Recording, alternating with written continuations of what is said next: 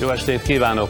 Irodalmi nagyhatalom vagyunk, legalábbis szívesen mondjuk és halljuk ezt önmagunkról. Talán igaz is. Annál szomorúbb, hogy más irodalmi nagyhatalmakkal, például Franciaországgal vagy Németországgal szemben kis, közepes és nagy íróink, mintha ritkán tennék le írói tollukat, hogy néhány gondolat erejéig azon töprengenek, hol, milyen országban, régióban, világban élünk. Mintha ritkán szánnák rá magukat, hogy bizonyos színvonaltalan politológusok és színvonalas közgazdászok helyzetmagyarázatai és folyamat elemzései mellé letegyék a sajátjukat, hogy ne pusztán a napi politikai cselekvések többnyire érdektelen magyarázgatásával, és ne csak is az ország gazdaságának állapotáról és a teendőkről szóló szakmagyarázatokkal legyen tele a nyilvánosság, hanem olyan látószögekkel is, amelyekbe a történelem és az ember is belefér. Sándor Iván író erre tett kísérletet nemrégiben az élet és irodalom hasábjain. Mai műsorunk első vendége Sándor Iván. A szóban forgó írását azzal kezdi, mármint hogy az élet és irodalomban idézem, Európai történészek, filozófusok 20 éve hangoztatják, hogy a 20. század nem 1900-tól 1999-ig, hanem az első világháború kitörésétől a szovjet tömb összeomlásáig tartott. Ezzel szemben az ön állítása a 20. század Magyarországon, Közép-Európában ma, 2008-ban is tart. Hogy érti ezt? Hogy egy század meddig tart, az természetesen nem lehet évszámokkal behatárolni, mert köztudott, hogy az egyes századok eseményei, a történelmi, társadalmi, mentalitás történet, magánéletbeli eseményei átfolynak egymásba. A művészeti korszakok sem határolhatók el úgy, hogy vége van egy századnak. Na már most mégis mi az oka annak, hogy valóban, ahogy próbáltam én is ezt kifejteni, az előző századokkal szemben lábra kapott egy olyan nézet, hogy a 20. század az első világháború kitörésétől 1000 989-ig tartott, tehát nem a század első évétől a század utolsó évéig. Hát ugye nyilvánvalóan ennek az volt az oka, hogy két olyan hatalmas történelmi esemény történt 1914-től, illetve 1989-től, amelyik megrázta egész Európát, mondhatni az egész világot. Az első világháború kezdetével megváltozott minden, és persze a befejezésével Magyarország sorsa is. Megváltozott minden, ami addig folyamatban volt, a szovjetom összeomlásával pedig úgy véltük, gondoltuk, hitték sokan, és talán még hiszik ma is, hogy megváltozott minden, ami előtte a 20. században történt. Az én álláspontom, mint idézte az, hogy nem, ugyanis úgy gondolom, és most persze már maradjunk a hazánknál Magyarországon, hogy mindazok a struktúrák, amelyek a 20. században a magyar történelmet jellemezték, azok annak ellenére, hogy úgy gondoltuk, hogy a demokráciában, a másfajta társadalmi formációban megszűnnek, vagy legalábbis nincsenek jelen, tovább jöttek. Én most ebből csak hármat emelnék Milyen struktúrákra ki. gondol? Ezt akarom hármat kérdezni. emelnék ki. Az egyik, amit zsákutcás helyzeteknek nevezünk, a másik, amit hamis helyzetek nevek, hamis helyzetek nevek nevezünk, és a harmadik, amit az örökös reváns szellemnek nevezünk, ezek egyébként Bíbó István terminuszai. Mondana mindegyikre egy-egy példát, hogy értsük? A 20. századi magyar történelem az minden létező formációban, monarchiában, horti rendszerben, Szálasi íráról nem is beszélve, Rákosi íráról nem is beszélve, Kádár rendszerben, végül is egy a rendszer bukásába torkollott. Egy olyan zsákutcába, amelyből annak a rendszernek a vezető, vezetői, kormányzatai nem tudták kivezetni az országot. Továbbá ennek a kísérője az volt. Erre nem azt mondja az ember, hogy hála Istennek? Most mire gondol? Hát arra, hogy nem tudták kivezetni. Hát, Se a hortizmus, se most, a kádárizmusból. Hát ezt én nem úgy gondolom, hogy hála Istennek, mert hogyha a második világháborúban horték nem vezették volna be az országot a nácizmus oldalán, akkor hát egész másképp alakult volna a magyar történelem. Tehát én nem azt mondom, hogy... Én úgy értettem a kivezetést, hogy túlélték volna önmagukat ezek a rendszerek, és abban az esetben beláthatatlan Igen, van, következménye. Vannak ilyen nézetek, az én nézetem más. Igen? Ezek a rendszerek nem tudták volna túlélni magukat. Tudnék, ezek a rendszer függ, rendszerek, úgy a Horti rendszer, mint a Rákos és még a Kádár rendszer is, olyan értelmekben, mint rendszerek rendszer függők voltak a nemzetközi hatalmi konstellációtól, hogy annélkül, hogy a nácizmus összeomlott, annélkül, hogy a szovjet birodalom összeomlott, önmaguk nem tudták volna túlélni önmagukat. De hát visszatérve az eredeti kérdésre, hogy azért ne időzzünk, gondolom én ne időzek ennél túl soká el, úgy gondoltuk, hogy ezek nem fognak ismétlődni, ezek a zsákutcás helyzetek, ezek a hamis helyzetek. Nos, azt látjuk, visszanézve, illúzióinkat vesztve az elmúlt húsz évre, hogy megszülettek az újabb zsákutcás helyzetek, megszülettek az újabb hamis helyzetek, amiben semmi nem az, aminek mondatik a politika. Volt egy pillanatig is illúziója a felől, hogy ez nem így lesz? Igen, volt volt. Nem tartoztam azok közé, akik úgy gondolták, hogy gyökeresen minden megváltozhat. De 89-90-91-ben, amikor három éven keresztül én ilyen rendszerváltó naplót, így neveztem annak idején írtam, akkor nagyon sok problémáról próbáltam a gondolataimat megfogalmazni, de bizonyos kiutakat láttam ezekből a zsákutcákból és problémákból. Hát ezek bezárultak, ezek a zsákutcák. Azt is mondja ön ebben a szóban forgó írásában, idézem, hogy amorf képződmény a mai magyar demokrácia. Nagyjából valamennyien érezzük ezt, de éppen ahhoz kellenek önök írók, meg az önök segítsége, hogy megértsük, hogy mi is ez. Én csak a magam nevében beszélhetek, ha bár hadd tegyek egy megjegyzést, ami valószínűleg polémia is lesz egy kicsit. Azért van jó néhány írótársam, aki ritkán, vagy nem olyan ritkán, de a mélyebb áramlatokról, a mai élet háttérvilágáról, nem is a közvetlen pártpolitikáról, de azért elmondják a véleményüket. Na erre majd de... még visszatérünk, mert én erről kicsit más gondolok, de igen, e tekintetben mit jelent amorf képződmény a mai most, magyar demokrácia?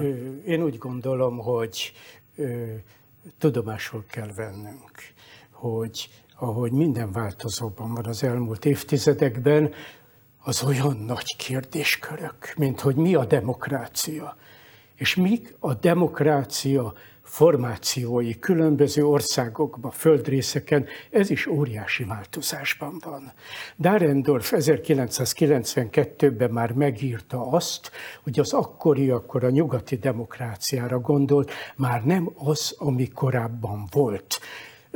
Más körülmények között kell az egész világváltozás, klíma, bevándorlás, szegénység, szabadság és egyenlőség közös meg nem valósíthatósága, beszélt erről Dahrendorf. Tehát önmagában véve, én azt nem tartom természetellenesnek, hogy a mai magyar demokrácia is egy más formáció, mint ahogy a klasszikus demokráciáról az igényeink és a vágyaink megformálódtak. De, mégis De azonban, amikor azt mondom, hogy ez egy amorf demokrácia, akkor ez közvetlenül a megelőző magyar történelem 20. századának az előző zsákutcás helyzeteire ráépülő demokratikus formáció oly értelemben, hogy a rendszerváltás idején a nyugati mintákból, amit át tudtunk venni, parlamentarizmus, jogállamiság, sajtószabadság, szólásszabadság, az működik, és ezek történelmi események.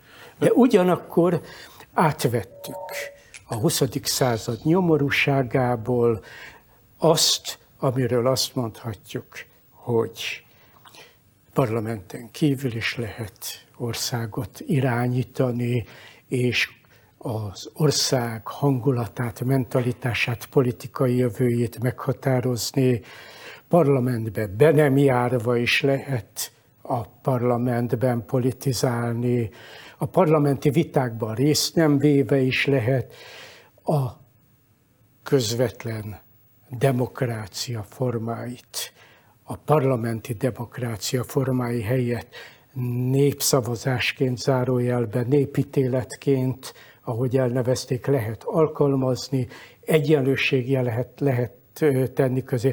Az utcai ritus politizálást be lehet vezetni a parlamenti viták helyett, és a tömegeknek a populista hangvételű néha már fellázítását is működtetni lehet a józan ész és a rációval szemben. Ezzel összefüggésben hivatkozik itt ön, mármint az írásban Ortegai Gasszéra, őt idézi, illetve némiképpen átformálja az ő mondatát, amikor azt mondja, hogy nem a tömegek lázadásának, hanem a tömegek lázításának korszakában élünk. Ortega a 20-as években egy hatalmas tanulmányban írta meg a tömegek lázadásának a, a általa vélt szimptomáit, és ő akkor még heroikus volt, mert ő úgy érezte, hogy a tömegek gondolkozása az a ráció, a kibontakozás, az épp ész és a közös szabadsággondolatok és a kölcsönös megértés jegyében irányítható. Hát erre a történelem gyorsan rácáfolt. Erre a történelem olyannyira gyorsan rácáfolt, hogy tíz évvel később Ortega 1938-ban a nácizmus árnyékában egy olyan utószót írt már ehhez a hatalmas tanulmányához, amiben lényegében azt fejtette ki, hogy a tömegeknek az egyik tulajdonsága, hogy minden rosszra vár rávehetők, ha van aki rá tudja őket erre venni. Az egyik tulajdonsága az, hogy csak a jogaikat nézik, és nem a kötelességeiket, hogy nem gondolkoznak felelősen, stb. stb. Na most, amikor én azt írom, hogy ma, a, és erre gondolom a beszélgetésbe visszatérünk, hogy hogyan, miért, és kiknek a részéről a tömegek populista lázítása folyik, akkor én arra gondolok, hogy megváltozott 80 év alatt a világ, főleg a régióban, és a régión belül néhány más országban is, köztünk sajnos Magyarországon is. Ugye az egyik legtragikusabb fejlemény nem csak nálunk, meg nem csak Közép-Európában, Közép-Kelet-Európában, az egész kontinensen az emberírtó eszmék gátlástalan újjászületése. Miért? Németország állandó hivatkozás, vagy legalábbis gyakori hivatkozás nálunk a tekintetben, hogy milyen példásan és kíméletlenül feldolgozta a saját náci múltját. Mégis tele van új náci mozgalmakkal. Akkor miért? Azért, mert amit én a világ változásairól gondolok, abban a tekintetben is egy változás, az új jelenségek sorozata benne van, hogy vajon tud-e az emberiség tanulni a saját múltjából. Tehát Mennyire erre tudjuk a választ, hogy nem. Hogy? Erre tudjuk a választ, hogy nem, vagy hát erre tudjuk kevéssé. a választ, hogy nem. De azért azt se feledjük el, hogy 100-150 éven át nagy történészek és nagy filozófusok állandóan arra akarták rávenni az emberiséget, hogy tanuljon a saját múltjából, és ettől az illúziótól nem könnyen szabadulunk meg, és ez még ma is sokakban él. Már most a tekintetben, hogy eltelt a második világháború, a nácizmus óta, több mint egy fél évszázad, sőt, több mint 60 év. Felnőttek azok a nemzedékek, amelyek nem a saját létélményekből, létélményük alapján tapasztalták meg azt a szörnyűséget, ahová a nácizmus Európát és a világot óhajtotta volna taszítani, ha ez néki sikerül. Ugyanakkor feltorlottak az új problémák a világban, Európában, Németországban is. Ezek ismertek, külső már a környezeti, a népességi, a bevándorlási, nem ismétlem el, ezek ma már közhelyek. Természetes, hogy a megoldhatatlanságokra a szélsőségek reagálása mindenhol megkezdődik, ez nem tévesztendő össze a régi, iszonyú, népírtó nácizmusnak a vágyával, jövőképével, csak azok a nemzedékek, amelyek már tájékozatlanak ott is, sokkal inkább, mint nálunk, ezekkel a jelszavakkal és ezekkel az indulatokkal jelentkeznek, de muszáj itt, hogy hozzátennem valamit. Ennek a dolognak a másik része az, hogy egy gyors személyes példa. Lehet, hogy elmondtam már. Amikor a könyveim kiadásával kapcsolatban kellemes beszélgetéseket folytattam a Deutscher Taschenbuch Verlag irodalmi igazgatójával, és megkérdeztem ugyanezekről a kérdésekről őt, hogy hogy jutottak el odáig, hogy azért Németország leszámolta maga múltjával, és egy teljesen új demokratikus országot tudott felépíteni. Elgondolkozott és annyit mondott. Sokat dolgoztunk önmagunkon. Ez rendkívül fontos. Ez nálunk elmaradt. Nálunk nem dolgoztuk sokat önmagunkon, és ehhez még ha szabad hozzáteszek egy gondolatot. A magyar mentalitás történet megérthetetlen, és a tömegek irányíthatósága, sőt, néha lázíthatósága megérthetetlen annélkül, ha nem tudjuk azt, hogy csak a 20. századi magyar történelmet nézve hiányoztak azok a nagy, pozitív, eredményes történelmi korszakok, amelyek olyan mentalitásra tudták volna szoktatni, nevelni a népet, a széles tömegeket, amely alapján elsajátítja azokat a tulajdonságokat. Miért ezt Németország amelyek... hogyan oldotta meg? Németországnak mi segített ebben? Ez, hogy nagyon sokat dolgoztak önmagukon, szembenéztek a maguk náci múltjával, és azért itt van a történészek által kidolgozottan sokat hangoztatott tétel. Azért a német történelem utolsó két évszázada, nem beszélve a régebbi időkről, kitermelte azt a polgári, humanista réteget, amelyet ugyan közéletbe, iparba, kereskedelembe, nyelvtudásba, irodalomba, művészetbe egész európai hatással működtette ezt, amit ugyan a nácizmus megsemmisített könyvégetésekkel, deportálásokkal, tömeggyilkosságokkal, de azért volt ott egy olyan nemzedék, amelyre a háború utáni önszembenézés első igyekezet építhettek. Nálunk ez a fajta réteg sem volt. Németországnak évszázadokon át sikeres történelme volt nekünk nem volt, nem alakulhatott ki egy olyan mentalitás, ami nagyon hiányzik nálunk. Na most ezzel szemben nálunk csak relativizálás folyik, tehát minden fellépésnek elveszik az értékét és a súlyát, vagy elvesz az értékét és a súlyát az, hogy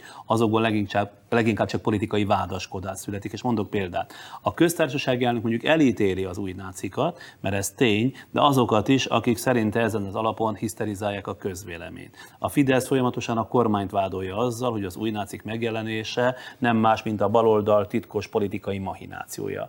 Miféle betegség ez akkor nálunk?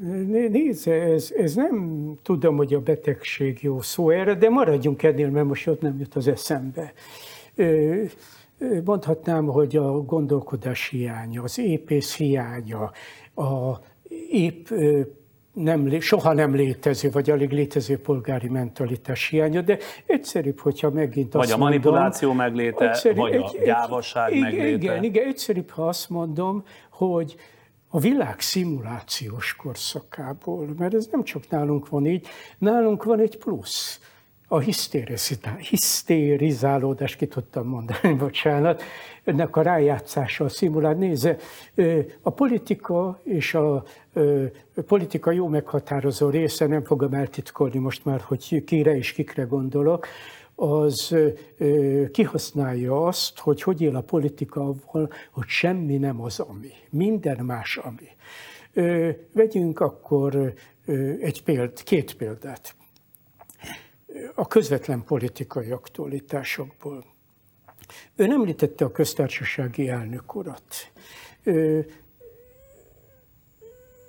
talán nem tűnik tiszteletlenségnek, és nem tűnik a ország első embere iránti lojalitásom hiányának.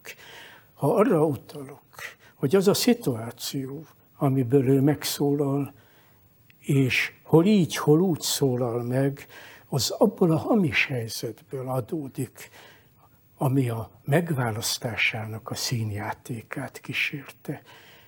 Elfeledtettük talán már azokkal, akik ezt láthatták a televízió képernyőjén, hogy az elnök úr megválasztása a színfalak mögötti manipulációs játékkal folyt.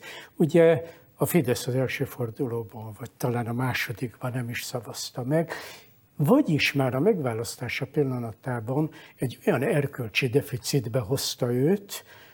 Titkos helyett nyílt szavazás volt, ugye igen. ez a lényeg. Hogy? titkos helyett, mondom, nyílt szavazás Igen, volt. igen, hát nem akartam ezeket részlete. Egy olyan erkölcsi deficitbe hozta őt, hogy ő ebből az erkölcsi deficitből minősítette 2006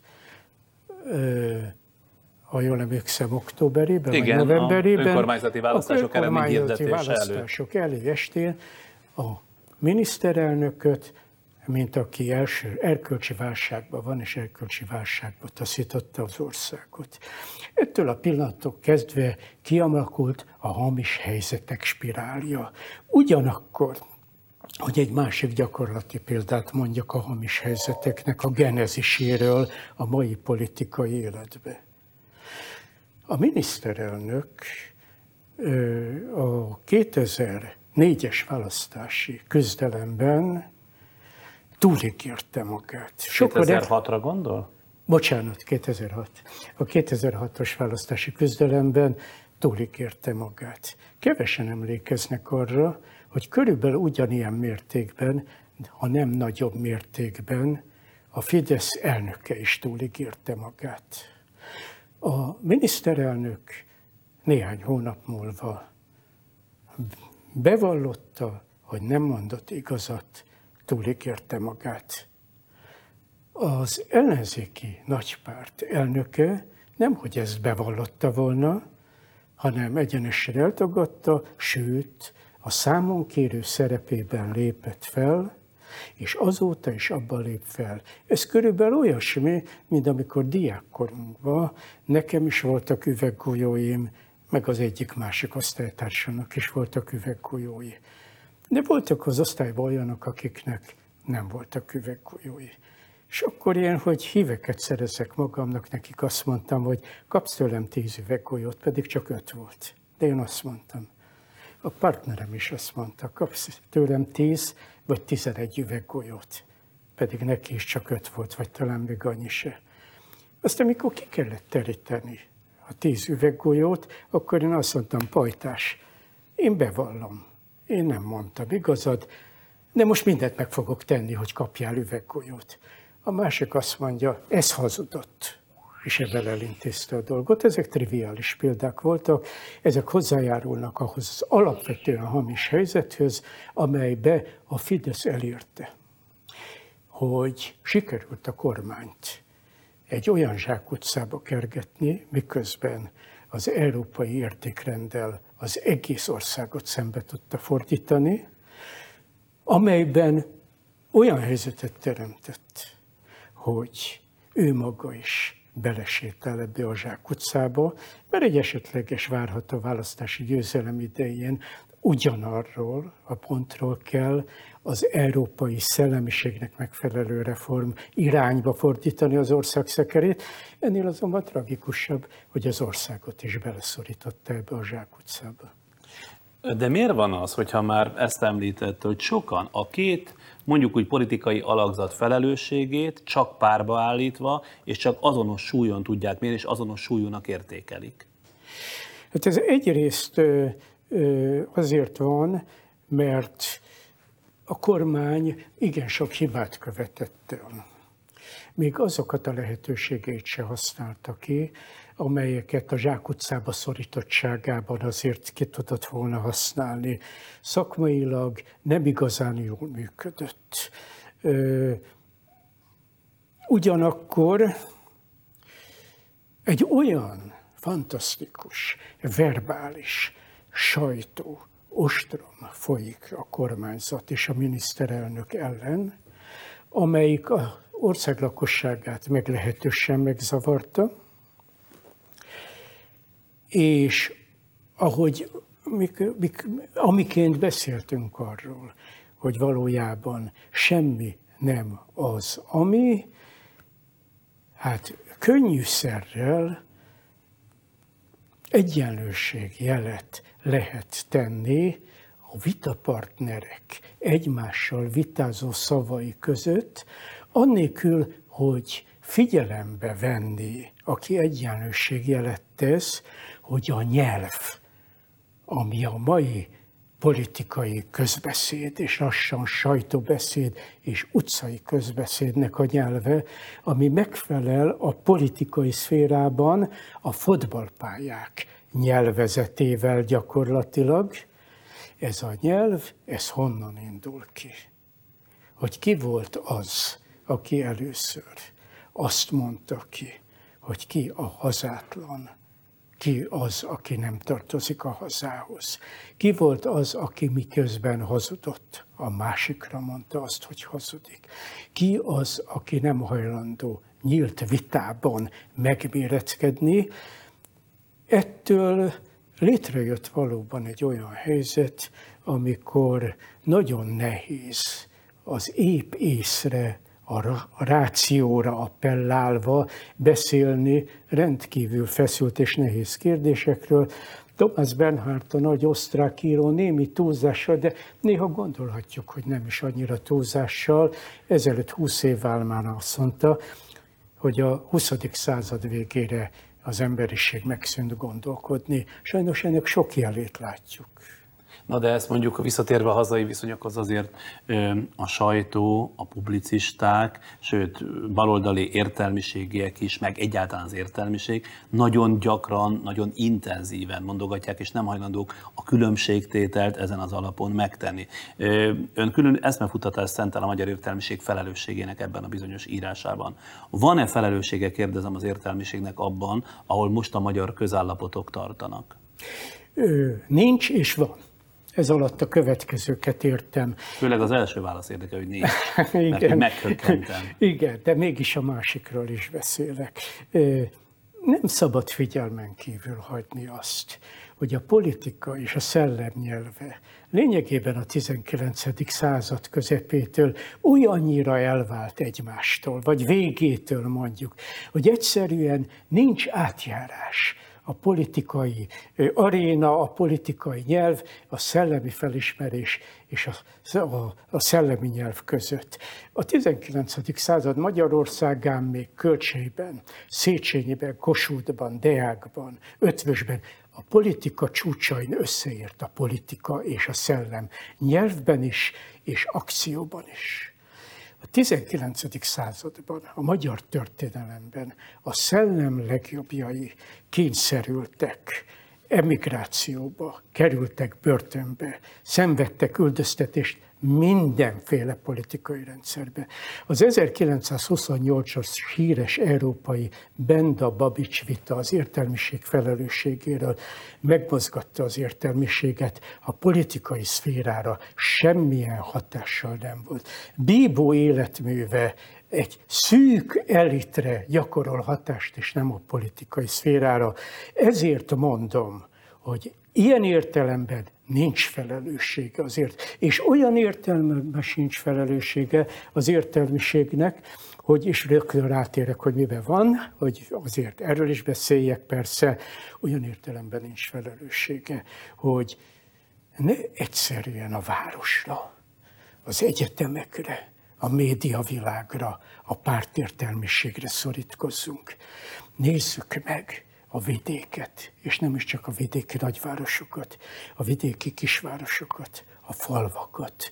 És nézzük meg, hogy ez az iszonyú, hamis, zsákutcába szorító hangzavar, ez a hisztérizálás, hogyan tette pályán kívülre a kísértelmiségieket, hogy mi ma annak az egész országot áthálózó tanári, orvosi, óvónői, stb. stb. értelmiségnek az egzisztenciális helyzete, anyagi helyzete, megbecsültsége. Nem a mindenkori... tette szerintem vastagon benne vannak. Hiszterizálva vannak, és vastagon benne vannak. Mide... Orvosok, pedagógusok. Igen. Szóval én ezt egyáltalán nem így látom, bocsánat. A, a, ami könnyebbé teszi a hiszterizálódásokat mert a politika természetesen erre rájátszik. Na de ha a vezető értelmiség ebben részt vett volna, Na most térjünk... vaskosan kivette volna a részét, Igen. akkor ezért mondjuk úgy, ahogy ön nevezte, ezek a vidéki kis értelmiségi Igen. csoportok nem marginalizálódhattak volna, akár ennek, akár annak a Igen. befolyásolására. Itt, itt nem